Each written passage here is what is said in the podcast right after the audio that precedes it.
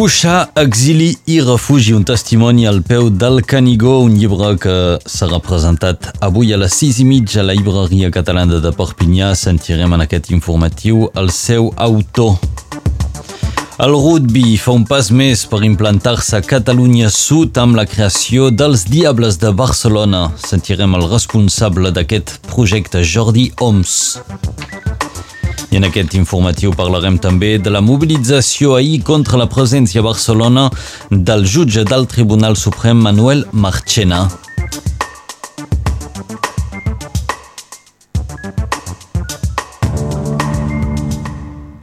Per fi avui acaba la llarga espera per conèixer els resultats del BAC. Tots els resultats seran publicats aquest matí.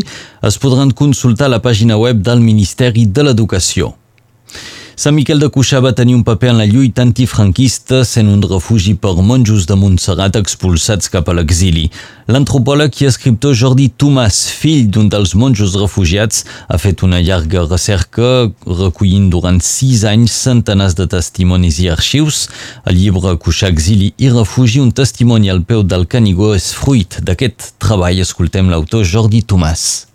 Bé, la idea no és meva, sinó que és un dia rebo una trucada telefònica del Jordi Vilabadal, que va ser un dels primers monjos de Cuixà, que em va dir que pel cinquantenari de la refundació de Cuixà els agradaria que algú, algú que es dediqués a la recerca, que escrigués, com era el meu cas, pogués fer un llibre. I com sóc un, un dels fills dels exmonjos de Cuixà, dels primers vuit de Cuixà, i els conec a tots, doncs quan m'ho va dir, bueno, vaig tenir aquells moments de ara què faig, és un repte molt gran, no és la meva zona, no és la meva època, perquè soc antropòleg, però jo del Conflent no coneixia quasi res, i al final doncs vaig acceptar, afortunadament.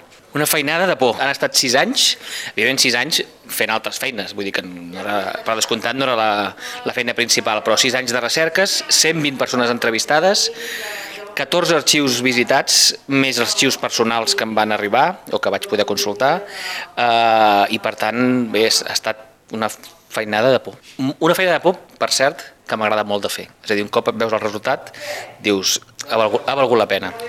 Ens ho deia l'escriptor Jordi Tomàs. El llibre es presentarà avui a la llibreria catalana. Serà a partir de les sis i mitja de la tarda. Ahir va tenir lloc a l'estat francès el primer Consell de Ministres després de la remodelació ministerial del govern d'Elisabeth Borne. Entre els nous ministres trobem un conegut a casa nostra. Es tracta de Jean-Christophe Combe, nou ministre de les Solidaritats, de l'Autonomia i de les Persones Handicapades. Combe va ser candidat a l'elecció municipal a Sant Cebrià l'any 2009 sobre la llista de Claudette Giraud. I demà Elisabeth Borne pronunciarà el seu discurs de política general davant de l'Assemblea Nacional, una intervenció durant la qual la primera ministra no sol·licitarà el vot de confiança dels diputats. Sense majoria absoluta, un vot de confiança seria massa arriscat per Elisabeth Borne. La França Insumisa ja ha anunciat que presentarà una moció de censura contra el govern. El rugby fa un pas endavant en la seva implantació a Catalunya Sud amb el naixement dels Diables de Barcelona. És un equip en fase de creació que competirà en un torneig intercontinental. Aquest campionat comptarà amb països en què el rugby és un esport major, com Àfrica del Sud, i països on el rugby és un esport emergent, com a Catalunya Sud. Per crear un equip de rugby a Barcelona, els impulsors s'han girat immediatament cap a la part del país on el rugby és l'esport majoritari, és a dir, aquí, a Catalunya Nord, Escoltem en Jordi Oms, responsable del projecte dels Diables de Barcelona jo sempre crec que el rugby català és transfronterer. Ah, el, el, el, tema és que està un estat escrit a l'estat francès i l'altre està escrit a l'estat espanyol. Aleshores, si creem una franquícia internacional a Barcelona, mm, no tindria cap sentit no tenir relació amb la part del país on, on el rugby és un esport majoritari. De fet, nosaltres eh, amb qui hem tractat més amb l'Axel Barrier, el president de l'USAP Associació, perquè el grup professional entenem que està en una dinàmica de, de top 14, que és la lliga més potent de l'hemisferi nord, i té altres, és a dir, té, té un, és un club professional i nosaltres en aquests moments som un projecte de franquícia. I amb qui ens hem d'entendre bàsicament és amb, el, amb la formació de jugadors, és a dir, eh, i això és el que fa l'USAP Associació evidentment també amb la resta de clubs de la Catalunya del Nord, eh? però la relació, doncs, la nostra és eh, donar oportunitat a jugadors tant del sud com del nord de professionalitzar-se en un àmbit territorial propi i que no, no hagin de marxar fora hi ha un mig de melé o hi ha una segona línia que té un contracte i se n'ha d'anar a Begiers o se n'ha d'anar a Mont de Versant i té una oportunitat a Barcelona que potser la pot compaginar amb uns estudis eh, que li poden interessar a la universitat, hem de poder almenys presentar oferta. Després el jugador decidirà, no? I això fa que el talent es retingui a Catalunya, que és una de les nostres pals de paller, és a dir, volem que el talent català es quedi a Catalunya. Eren Jordi Oms, impulsor dels Diables de Barcelona. Abans de veure els Diables competir caldràs pagar. El club encara està cercant inversors. El Tribunal Superior de Justícia de Catalunya portarà la llei que garanteix el català a l'escola davant del Tribunal Constitucional espanyol. El tribunal constata que la nova legislació fa impossible el compliment de la sentència que obliga a fer el 25% de classes en castellà a totes les escoles i instituts catalans.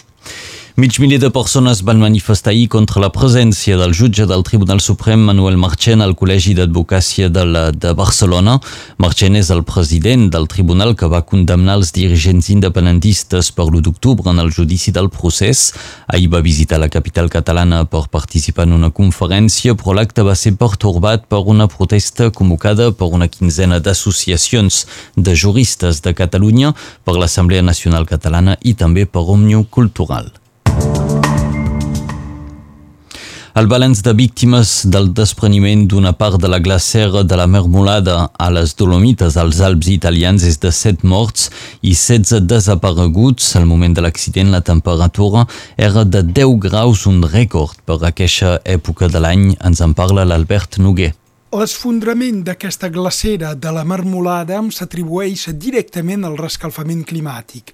Fa dies que aquesta regió dels Alps orientals està sotmesa a un episodi de calor important i precoç que els meteoròlegs atribueixen a l'escalfament global. Les condicions de la glacera corresponen a les de mitjans d'agost. La glacera de la marmolada és la més gran d'aquesta regió de les Dolomites al nord d'Itàlia i aquest tipus d'accident molt probablement probablement que es repetirà i s'intensificarà a causa de l'augment de les temperatures. Les zones de muntanya de tot el planeta són particularment afectades per l'augment de les temperatures que pugen més ràpidament que no pas a les planes. I cal dir que Itàlia pateix la pitjor sequera dels darrers 70 anys. Set regions del nord han decretat l'estat d'urgència i l'aigua potable està racionada en algunes ciutats. Es calcula que la sequera afectarà un 30% de la producció agrícola del país. La reconstrucció d'Ucraïna costarà més de 700 miliards d'euros. La qüestió és saber qui pagarà. Una de les pistes seria que part del finançament vingui dels actius russos bloquejats per les sancions, que serien d'entre 287 i 479 miliards d'euros. Europa ha demanat que la reconstrucció s'acompanyi de reformes democràtiques de fons. Als esports, i hem de dir que avui s'inicien les obres de renovació de la pista d'atletisme del Parc dels Esports del barri del Molí de Vent de Perpinyà. En futbol, el Barça ha oficialitzat dos nous fitxatges per la temporada vinent. Frank Kessier, un migcampista de 25 anys nascut a Costa d'Ivori, que arriba del Milan AC, i Andreas Christensen, defensa central de 26 anys, danès i arriba del Chelsea. Els dos han arribat lliures. El club blaugrana no ha hagut de pagar cap fitxatge. I després d'un dia de descans, avui torna el Tour de France. Els ciclistes han deixat Dinamarca. Avui estaran al nord de l'estat francès amb una etapa de 171 quilòmetres entre Dunkerque i Calais. El mallot groc avui el portarà el belga Wout van Aert de l'equip Jumbo.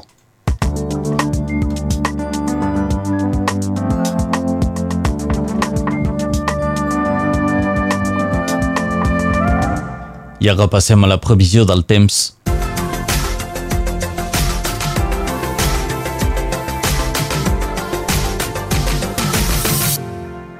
Comencem el dia amb un cel serè i molt assolellat, amb tramuntana del Fenolledès a l'Albera. Al final del matí i inici de tarda creixen nuvolades i hi ha un conflicte amb l'aire càlid que ve del sud i el més fred que ve del nord i més endavant poden esclatar uns temporals a la franja sud del territori del massís del Puigmal fins a l'Albera. Amb aquest ambient, la temperatura és bastant alta. 25 als Angles, 28 a la Guingueta, 30 a Prada, 32 a Rodés, 33 a Corbera i a Trullàs, 34 a Morellàs, 29 a Serrallonga, 31 a Banyós de la Marenda, 33 a Pià, 31 a Prunyanes. El 5 de juliol de 1563, durant una epidèmia de pesta, la confraria de la sang fa una processó de nit a Perpinyà, on es veuen 25 penitents flagelant-se.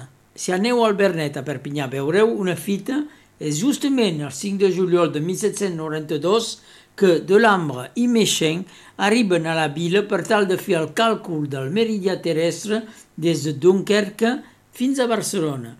I és el 5 de juliol de 1962 que Algèria s'independitza de França. Avui és Santa Zoé, és un Sant Antoni i és també Santa Filomena.